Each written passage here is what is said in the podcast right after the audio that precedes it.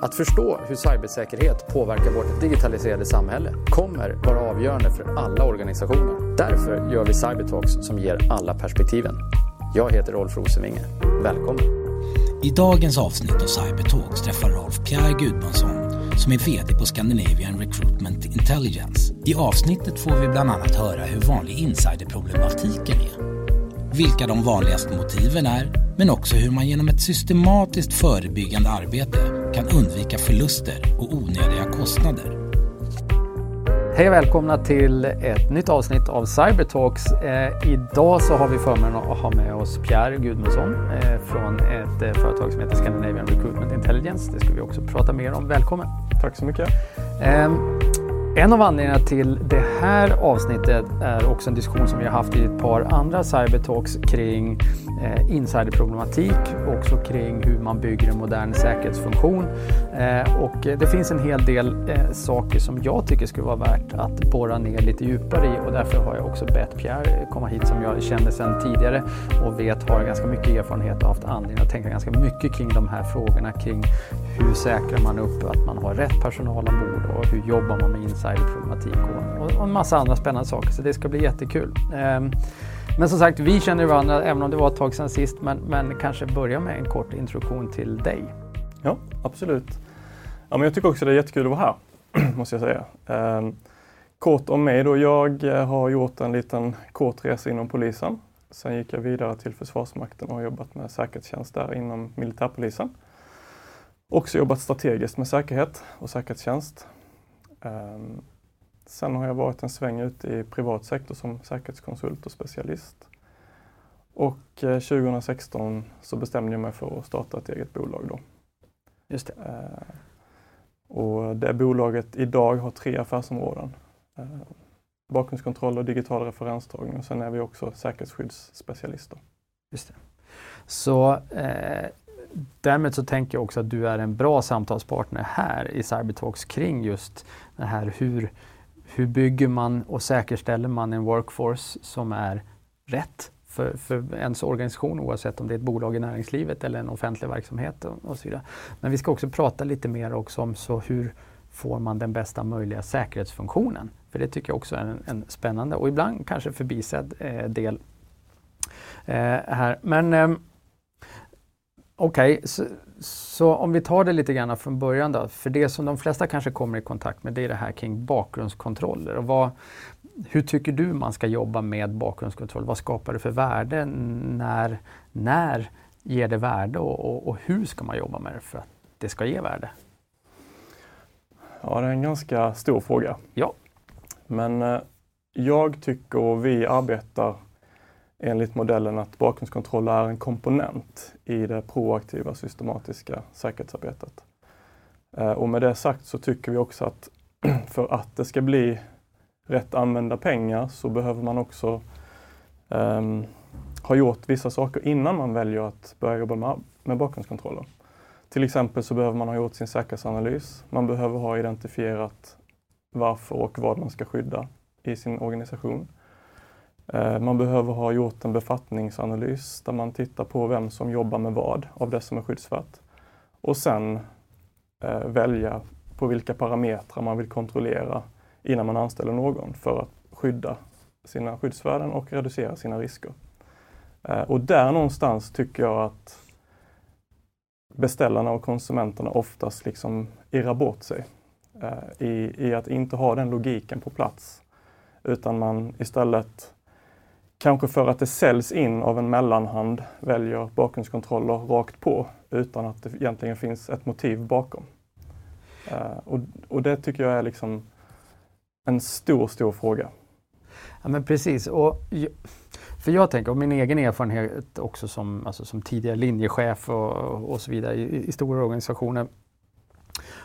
Där så att säga, rekryteringsprocessen oavsett till vilken liksom, roll eller befattning inom, inom företaget eh, var ju egentligen kan man säga en process som ägdes av HR med, och som till stor del då utfördes av HR och rekryterande linjechef. Eh, det var ju relativt sällan, eller för att inte säga väldigt sällan, som säkerhetsfunktionen var, var inne i den här processen överhuvudtaget. Mm. men så jag tror att du började med någonstans med att lyfta fram någonting som kanske är ganska viktigt. Så jag, jag lyfter fram den och säger om jag förstod det rätt. Men påståendet här är ju att säkerhetsfunktionen bör vara inblandad tydligt i all rekrytering. Om jag tolkar rätt. Ja, absolut. Och jag tycker också att det är en del av liksom problematiken till att det kanske inte är så, så mycket idag som det borde vara. Att det finns traditionellt sett en friktion mellan de två funktionerna, säkerhet och HR, eh, som jag tycker man borde jobba mycket mer aktivt med att försöka få bort. Och kan du beskriva hur du uppfattar den friktionen och vad man då kanske också skulle kunna göra åt den? Var, var kommer den ifrån, den här friktionen som du, som du nämner? Från där jag kommer ifrån så tror jag den har att göra med att man har olika typer av lagstiftning som styr och eh, begränsar. Eh, om man tittar på SÄK så kan det vara till exempel företagshemligheter eller säkerhetsskyddslagen som styr. Medan det från HOA då finns eh, diskriminering och andra typer av liksom, problem som det skulle kunna tolkas som att man, att man har gjort ett visst val runt en viss rekrytering av en viss kandidat och att det kanske finns etiska eller etniska bakgrundsdelar som HOA läser in i SÄKs sätt att argumentera. Eh, och, ja, lagstiftning och vad man vilar på för slags juridisk grund och skola tror jag är en stor del av den där friktionen. En, en diskussion som jag har stött på eh, och, och, lite på temat ju många gånger också att den lät ungefär så här. Ja men vi fattar att det kanske vore bra med bakgrundskontroll men vi vill liksom inte riktigt sända den signalen till en blivande medarbetare det första vi gör. Det är ju, det är ju någon slags misstroende. Mm. Är det det? det är och är det i så fall det, ett problem? Ja, alltså det är klart att det kan finnas enstaka individer som skulle kunna uppfatta det så. Men vår erfarenhet och min erfarenhet är ju att ju mer transparent och kommunikativ du kan vara, desto tidigare du är det i en dialog med en eh, liksom, sökande till ett jobb, desto bättre är det.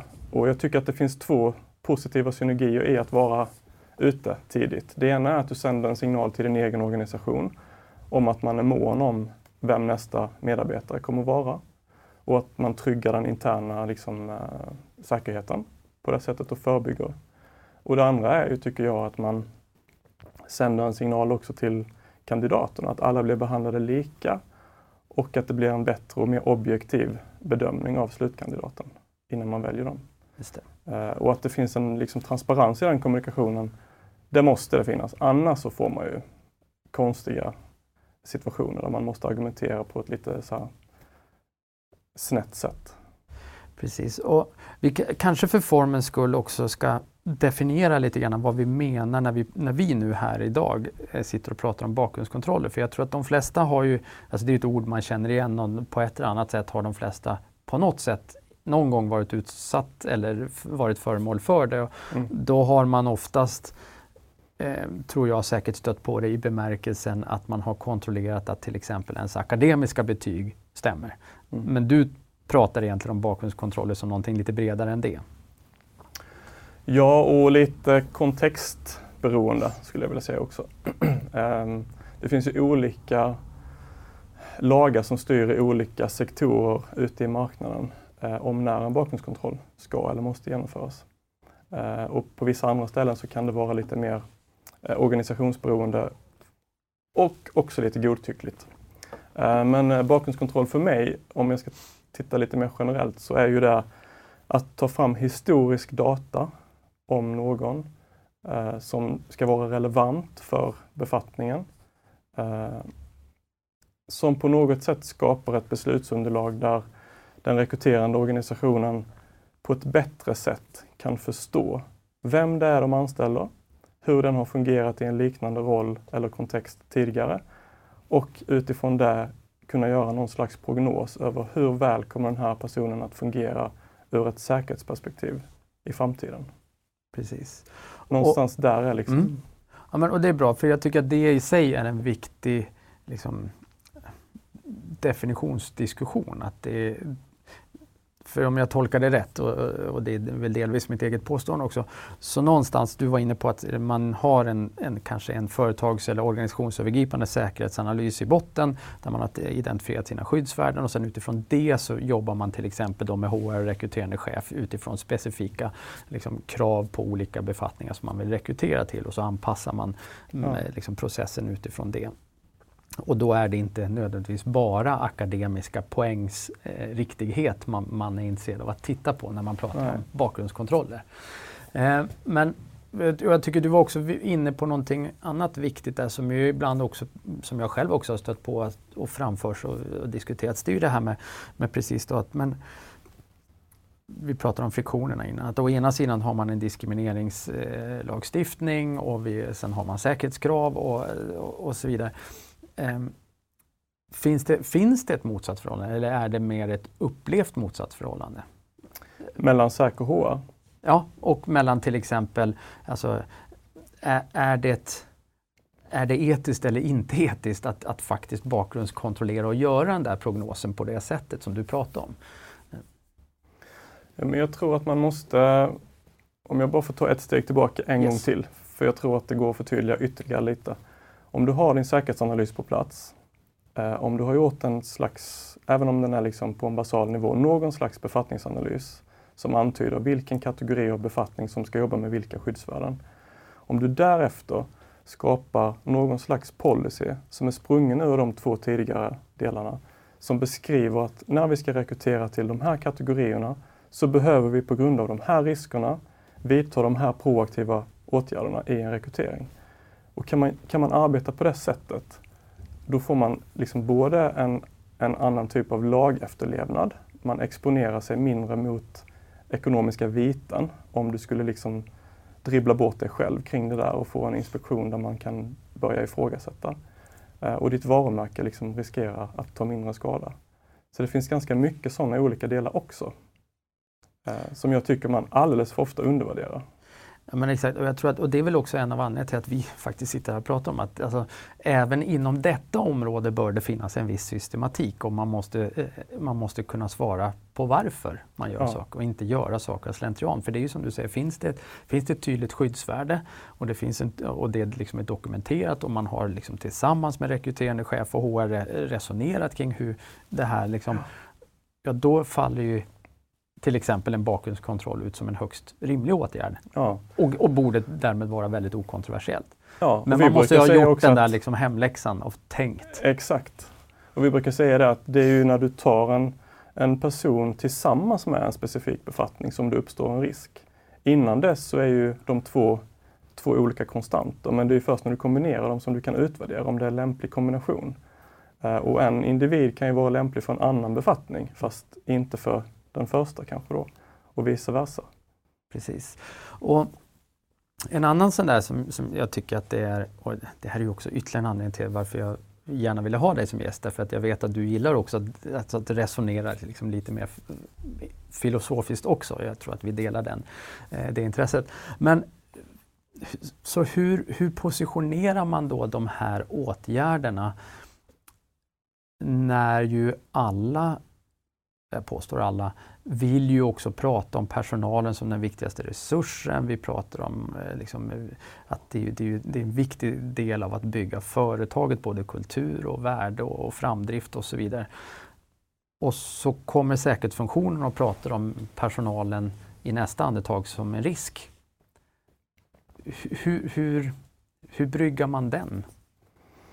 För att inte skapa det här motsatsförhållandet. Ja, jag tror man måste börja tidigt i en anställning och jag tror man måste, precis som du också är inne på, så tror jag att det handlar dels om eh, chef-medarbetarrelationen och att cheferna inte upplever sig som att de ska vara någon slags spanare eh, i, i den egna organisationen. Och att man inte heller eftersträvar en angivarorganisation som ska rapportera och smyg, smyga med information om kollegor tillbaka till säkerhetsfunktionen.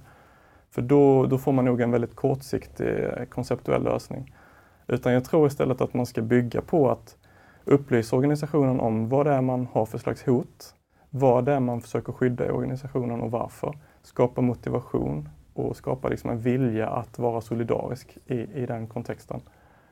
Uh, och sen så tror jag också att säk, säkerhetsfunktionen traditionellt sett också lite grann lider av sin egen svansföring i organisationen och att man som funktion också kanske kan försöka vara lite mer ödmjuk, uppsökande och proaktiv i att lära och utbilda de andra. Um, och inte vara så reaktivt kraftfull utan mer kraftfull innan saker händer. Yes. Där tror jag det finns jättemycket också att arbeta. Och där tror jag, jag håller helt med, jag tror att det är en jätteviktig del av det här. Jag är glad att du nämner det på det sättet för att jag tror också att det finns en hemläxa för oss som security practitioners ibland att göra. Att, eh, I en del organisationer i alla fall, tror jag, så, så har man i alla fall historiskt sett jobbat ganska mycket som en kontrollfunktion. Medan om man återigen kanske gör en jämförelse med, med HR som för ganska många år sedan introducerade begreppet business partner. Ja. Att man assignar en HR-manager till ett affärsområde och ska jobba tillsammans med affärsområdets ledningsgrupp att på bästa sätt utveckla liksom, humankapitalet. Ja. Det är inte jättemånga, jag vet inte om det har haft liksom fullt genomslag än på, på säkerhetsfunktionerna, men jag tror att det är en ganska eh, eh viktig del av approachen just för att komma in och kunna påverka och, och också bli accepterad vid det här liksom, beslutsfattarbordet. Att man faktiskt är där för att hjälpa ja. organisationen, affären framåt, inte för att kontrollera att, om någon har gjort fel. Och det tror jag är också en, en, eh, slags förbannelse för säkerhetsfunktionen, att man oftast är underdimensionerad. Man kanske vill saker men man har inte kraften att nå ut. Man, man har inte kraften att höras. Man kanske vill vara den här uppsökande som har foten i dörren och går in i olika möten och bidrar i diskussionen mm. och lyfter olika perspektiv innan man tar beslut. Men allt för ofta så tror jag att man kommer in för sent. Precis. Eller att man kanske inte blir inbjuden, kanske inte känner till att någonting pågår. Mm. Nej, jag tror faktiskt att det där är, där är en av nycklarna. Sen bidrar ju alla på olika sätt och även kontrollfunktioner tillför ju ett värde till organisationen men man måste kanske både som enabling function eller som kontrollfunktion eller beroende på vad man, alltså oberoende av vad man sätter för, för etikett på så måste man ju vara, tror jag, ännu duktigare på att kommunicera vad man bidrar med. Men, ja. och ibland kanske man också bara ska vara liksom, uh, lite så här, krasst faktadriven. Vet vi vad en felrekrytering typiskt sett kostar? Det finns, eh, det finns siffror på det ehm, som eh, Stockholms handelskammare har publicerat och som även Poolia har publicerat. Där man eh, börjar någonstans runt 700 000 och sen uppåt. Så eh, jag vet inte hur, mm. hur väl underbyggda de siffrorna är men det, det blir ju då lätt att motivera vissa proaktiva åtgärder ur ett kostnadsperspektiv. Precis, och, det, och ibland kan det bara vara nyttigt att alltså, att få upp en sån enkel sak på bordet för då hamnar det helt plötsligt i ett litet annat ljus. Ja. Eh, men du, jag är också, om man bara backar upp det lite grann eh, så men du, som du nämnde i introduktionen, du har en bakgrund lite grann från polisen, Försvarsmakten och sen jobbat med det här i olika roller. Så att säga. Men var kom, var kom ditt intresse för det här med liksom, människor, mm. bakgrund, eh, utredningar och så? Eh, I grund och botten så tror jag att man kan väl bara så generellt säga att jag tycker det är kul med människor. Och jag har alltid varit intresserad av psykologi och rättspsykologi och sådana saker. Vad som driver och gör att man gör olika val. Sen eh, så är jag också väldigt mycket till min frus eh, förtret en ganska så rationell och logisk person som tycker om att eh, konceptualisera och, och liksom titta på saker sakligt. Jag är väldigt sakorienterad. Så från början har det varit sådana drivkrafter att jag tycker om att eh, få ihop det helt enkelt. Eh, jag tycker om att eh, försöka zooma ut.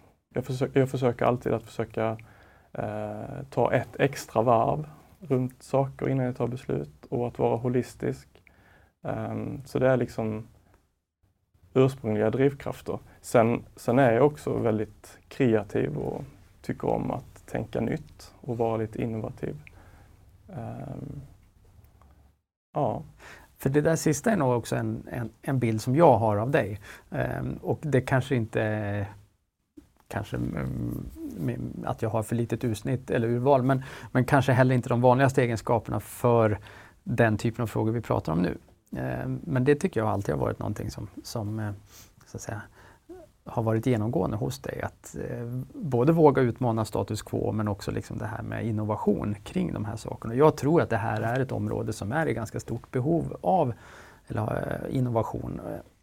Men jag tänker också eh, återigen kanske för att sätta lite ytterligare kontext kring det här jag tror att det finns väldigt många olika rapporter man kan läsa om hur stort insiderhotet är och, och så vidare. Jag har läst ett, eh, några att, mm, och då pekar man på siffror uppemot 40 procent av alla större incidenter har någon form av insiderkomponent och det kan vara både liksom malicious eller unknowingly. Mm. Eh, så att säga. Men någon form. Är, är det ballpark rätt, tror du? Eller hur stort är problemet? De siffrorna till att börja med som jag har läst, det kommer från amerikanska undersökningar och stora amerikanska IT-leverantörer som har eh, släppt sådana typer av siffror. Eh, så där håller jag med dig om att man är uppe i sådana stora siffror. Ehm, ehm, sen när det gäller liksom hur vanligt det är och så, så tror jag att det beror väl kanske också på lite grann vilken kultur som råder generellt. I Sverige så är ju i varje fall min uppfattning att man överhuvudtaget inte rapporterar att man har blivit angripen någonsin. Och mm. att de som vet om det, de får nästan i princip skriva på tystnadsavtal mm. kring sådana saker. Um, och det är ju synd för den stora massan. Um, det jag kan säga bara också utifrån vad vi är specialister på, det är ju det, det är ju en sak att prata om organisationer och stater och sådana saker. Eh, och vilken agenda som driver deras sätt att göra saker på. Om man tittar på enskilda och eh, enskilda aktörers, eh, vad ska man säga, siffror, så kan jag titta på de proaktiva, att detektera sånt som skulle kunna leda till en incident. Och vi är ju uppe i 20-25 procent av genomförda kontroller där vi detekterar riskfaktorer som skulle kunna leda till incidenter i framtiden. Eh, så det är ju en ganska potent risk. Det där tycker jag... Det, det, jag vill bara tillägga att det är också olika. Det finns vissa sektorer i samhället där vi är uppe på 35-40 procent. Det där tycker jag är intressant, så att vi, vi tar den en gång till för, för, för tydliggörandets skull. Alltså att när ni systematiskt jobbar med en kund kring att just jobba proaktivt, att i förväg, så att i samband med till exempel rekryteringsprocesser, ja. upptäcka riskfaktorer. Som i och för sig ska vi kanske säga inte är lika med ett tecken med att det skulle ha fallit ut, men, det, men, potentialen finns där och det finns konkreta så att säga, aspekter av att, eh, så att säga, det, det, det, är inte bara en hypotetisk risk. Så är ni uppe över alltså 20 procent av, av dem. Och i vissa sektorer i samhället där man är ute efter vissa specifika kompetenser så är vi uppe på närmare 40 procent. Den karamellen tåls att suga på lite grann och, och ta ombord. Och det kanske också faktiskt ska spela en viss roll inför så att säga, affärsplaneringen för säkerhetsorganisationens kommande år. Och inte ja. kanske bara dens eh, affärsplanering utan hela affärens eh, affärsplanering. Precis, och jag tycker att man borde också vända på det att ha säkerhetsfunktionen en eh, vad ska man säga, mogen funktionalitet, då bör man ju inhämta den typen av information inför en rekrytering. Så att HR och SÄK just kan prata om att nu ska vi rekrytera den här kategorin. Eh, omvärldsbevakningen säger att vi ligger på 35% risk i, i en rekryteringsprocess. Då behöver man omhänderta det innan HR släpps loss. Mm. Så att HR har fått liksom ett direktiv kring hur de ska förhålla sig. Ja. Hur urvalet och ska rekryterande ske. chef. Alltså för ja. ofta, alltså det, och det också ofta... vilken riskaptit man väljer att ha. Mm. Precis. Det kan ju finnas kategorier till exempel inom IT där man måste ta risker för att det går inte att få tag i kompetens. Um, och när vi nu pratar insight, så kanske för, för, för liksom diskussionens skull också, så att vad, nu har vi pratat lite om hur stort problemet är, men vad, vad är när man sen tittar, om man gör postmortem reviews och det har hänt någonting, vad är de vanligaste liksom, vad är den vanligaste motivationen till att man har gjort någonting och vad är det vanligaste, kan man säga någonting om vad är det, det vanligaste tillvägagångssättet vad är, och vad är riskindikatorerna? Vad är det man behöver hålla utkik efter helt enkelt? Mm. Är det de traditionella gamla BESK som gäller fortfarande? ja, du får förklara vad BESK är då. Nej men um, um, Ja, det kanske vi ska säga då. Men, ja, men jag, jag, tänker att det kan bli lite internt. Nej då, men det var väl egentligen en, en, en ett, ett gammalt sätt att på ett traditionellt militärt sätt sammanfatta. Där ville man ju alltid hitta små förkortningar till allting. Så då var det ja. BESK och det var besvikelse, ekonomi och social misär. Och Precis, alltså observandum för risk. Mm. Som man skulle hålla utkik efter. Exakt. Um, ja, men jag tror, uh, vi har samarbetat med uh, FOI lite tidigare och där är man väldigt tydlig med att uh, man eh, anser att eh, rent krassa ekonomiska intressen ligger bakom i princip det mesta. Oavsett egentligen storleken på aktören. Ehm, sen kan det finnas olika, vad ska man säga, tidsmässiga aspekter som spelar in. Om det är ensamma individer så kanske det handlar om mer kortsiktiga eh, modeller för varför man gör någonting. Och är man en statsaktör så kanske det handlar om mer långsiktiga modeller. Eh, men ekonomiska intressen och där skulle jag vilja stoppa in också nu eh, att tittar man på hur samhället har utvecklats och hur marknaden ser ut, eh, till exempel på konsulter, så har ju gigekonomin skapat enorma risker som man inte ännu riktigt har lärt sig att hantera i organisationerna. Där man ju kliver in, eh, kanske då som en IT-konsult, får väldigt mycket access, kanske jobbar några veckor och sen så flyger man ut igen och sen så hoppar man runt på det där sättet och kanske till och med har några olika arbetsgivare parallellt. Eh, kanske jobbar med samma dator och så vidare. Dels så handlar det om vilket uppsåt som finns, men det handlar också om om den konsulten blir utsatt för en attack, vad händer då? Um, och i det, om man tittar på då en gigekonomi med väldigt snabba, eh, kortvariga eh, anställningar, då finns det ju, skulle jag vilja säga, ingen lojalitet lojalitetsaspekten är ju urholkad ganska kraftigt. Då. Och hur hanterar man det? Jag gissar ju att men alltså, en sak som man ju definitivt kan göra det är ju att nu har vi ju kanske också till skillnad från, från förr betydligt bättre tekniska förutsättningar att ja. implementera tekniska skydd. Men jag gissar ja. att det heller inte ska vara det enda svaret. Men för lojalitetsbiten, som du, alltså gigaekonomin är ju här för att stanna. Ja. Det, det liksom, att försöka tänka att man ska rulla tillbaka det, det, det kommer inte att hända. Utan den är här så vi måste hantera det. Och hur gör vi det? Ja. Men jag tror att som du är inne på, en, en del i det är att uh, fundera igenom verkligen hur man bygger upp det tekniska skyddet runt sådana inhoppare. en sak som jag vet att ni har pratat om i tidigare avsnitt är ju att ha en detektionsförmåga och kapacitet att, eh, att upptäcka och att spana i de egna leden helt enkelt. Rent tekniskt och i IT-miljön. Eh, där skulle jag säga och hävda att man gör det alldeles för lite.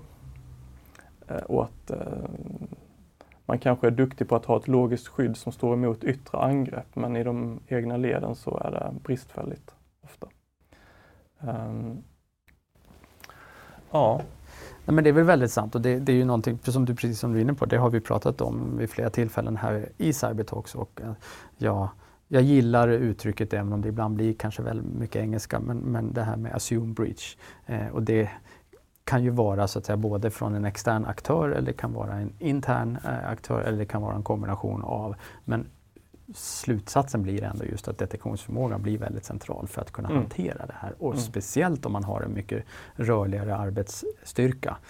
Givet till exempel gigekonomin som du beskrev. Ja, man får ju tänka igenom, eh, tycker jag, på ett mer strukturerat sätt kanske än vad man har gjort historiskt. Vad är det man delger? Följer man upp? Hämtar man tillbaka dokumenten? Tillåter man att de lämnar bygget? Inom säkerhetsskyddet så har man ju processer för olika typer av känslighet i projekten. Att I vissa fall så lämnar inte datorn beställarbyggnaden eh, och det kan jag tycka man borde kunna tillämpa på mycket fler ställen. Mm. Um. Um, språnget är litet men ändå där. Um, jag tänker att vi också ska passa på och jag vill fråga dig om ett par andra saker som jag har funderat på och gått och grunnat på ett tag. För vi pratar ju ofta om säkerhetsavdelningens roll för att säkra organisationen, företagets skyddsvärden. Mm. Men vem kontrollerar kontrollanten? Mm. Hur vet jag att jag har en säkerhetsavdelning som bara består av good guys? Mm. Och mitt sätt att se på det är ju att det vet du inte. Och det ska du nog inte förutsätta att du har heller.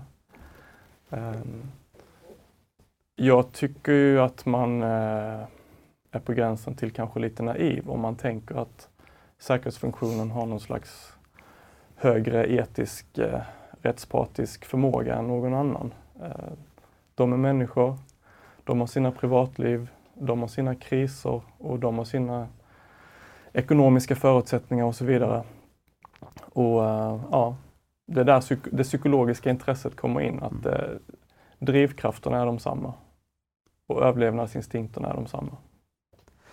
Men exakt, och jag tror att det är en viktig del eh, i det här också, att någonstans så måste man och jag tror att det är faktiskt, jag tror att det är en diskussion som man faktiskt kan ha på en hel del eh, ställen. Att innan vi introducerar ytterligare krav i rekryteringsprocesser så måste vi ju någonstans säkerställa liksom, att sopa rent framför eget hus först. Mm. För vi är, precis som du säger, också människor. Och jag mm. tror, precis som du på att jag tror att det är om inte annat så är det en pedagogiskt farlig eh, balansgång att ge sig ut på att, att hävda att, att vi som security practitioners skulle vara lite mo mer moraliskt högstående. Det kanske vi är i vissa, eh, för att vi har valt de här yrkena av en god anledning och så vidare från första början. Men det är ju, man måste nog ha ganska mycket torrt på fötterna innan man marknadsför den liksom bredare i organisationen. Och då tänker jag, då är det ganska viktigt att ha har liksom gjort några av de här sakerna till sig själv först, på sig själv först, innan man ställer krav på andra.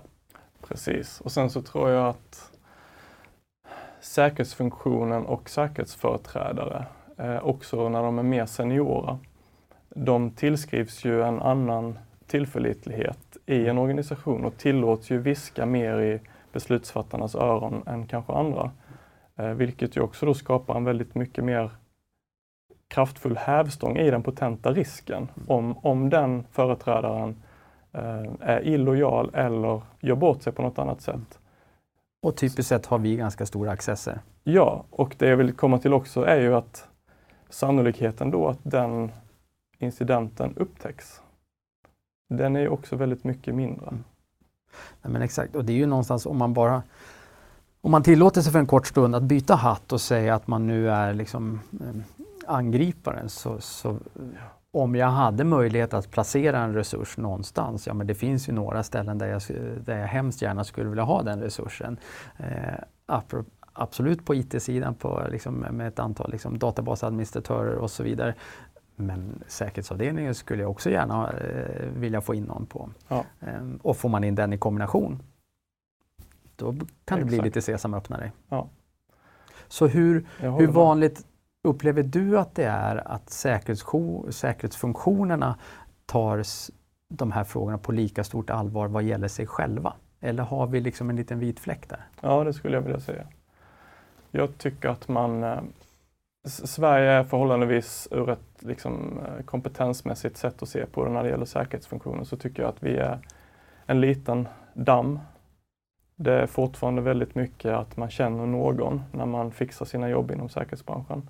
Och det är absolut på gott och ont. För, för de som har 100% rent mjöl i påsen så är det liksom ett bra sätt att veta att man får lojala medarbetare. Men i de fallen det liksom blir fel så kan det också bli väldigt, väldigt fel. Um, um, ja, då tänker jag då får man ju dessutom en, det blir ju en, det, det blir ju en dubbelsmäll på något sätt. Det är ja. aldrig bra för en organisation att ha en insider som visar sig vara illojal med organisationen. Men det är ännu värre att ha en, en som visar sig härstamma från säkerhetsorganisationer och den har man kanske inte råd med som säkerhetschef eh, överhuvudtaget. Nej, Nej jag, jag, jag tänker att man, eh, vad ska man säga, vad är det man brukar kalla det? Skomakarbarn. Precis. Vi är lite där faktiskt som mm. säkerhetsfunktion. Där vi behöver rycka upp oss lite. Yes. Tiden går fort, men jag tycker vi har, vi har hunnit igenom ett antal intressanta saker. Vi har pratat om vikten av att faktiskt utgå från en eh, företags eller organisationsövergripande säkerhetsanalys, jobba tillsammans med rekryterande chef och HR, eh, komma in tidigt, men också i, i, i rekryteringsprocessen, men kanske att arbetet faktiskt börjar ännu tidigare med att mm. positionera mm. de här frågorna och, mm. och, och någonstans och visa att man vill bidra till att utveckla organisationen genom att adressera de här frågorna. Och så har vi hunnit prata lite också om, om eh, om insiderproblematiken och även hur, man, hur stor den är och hur den går tillväga. och sen lite grann om själva, så vad har vi för hemläxa att göra? Är det, finns det någon stor Finns det någon stor aspekt av det här som vi har missat eller som vi borde utveckla mer? Nej, men jag kan bara ge ett gott exempel sådär. Jag känner till en väldigt stor organisation där man har gjort just en sån här omdaning och valt att börja på nytt i att bygga sin säkerhetskultur. Där man anordnar lunchseminarier för samtliga anställda väldigt ofta, eh, bygger upp med liksom krass information, eh, vetenskapligt underbyggda studier och olika föreläsare och så vidare som, som väldigt kraftfullt skapar en motivation att, att följa vissa frågor, att rapportera avvikelser och att liksom få ögon och öron i den egna organisationen utan att skapa angivare eller känslan av att ha angivare. Eh, och de har fått en extrem boost i inflöde av information. Ehm. Och jag tycker att det är en ganska spännande approach. Jag är ju en ganska stor, tror jag har framgått, eh, förespråkare av moderna tekniska skydd. Eh, och jag tycker ibland att vi fortfarande underskattar vad man faktiskt kan göra med dem. Men jag tror också att just det här eh, sättet att jobba med människorna, det tillsammans gör eh, stor skillnad. Mm. Ja, det tror jag också. Ja, så här som avslutning så brukar vi också alltid be gästen om att dela med sig av någonting som antingen har inspirerat eller informerat. Och eh, det kan vara en bok, det kan vara en film, det kan vara mm, egentligen vad som helst. Men såklart också nyfiken på att höra vad du har med dig. Ja, men jag, eh, för några år sedan så kom jag över en film som är gjord av FBI och som handlar om just ekonomiskt spionage. Um, det är en film som är cirka 35 minuter lång så den passar perfekt att titta på på bussen och sådär. Um, den eh, heter The Company Man och Protecting America's Secrets.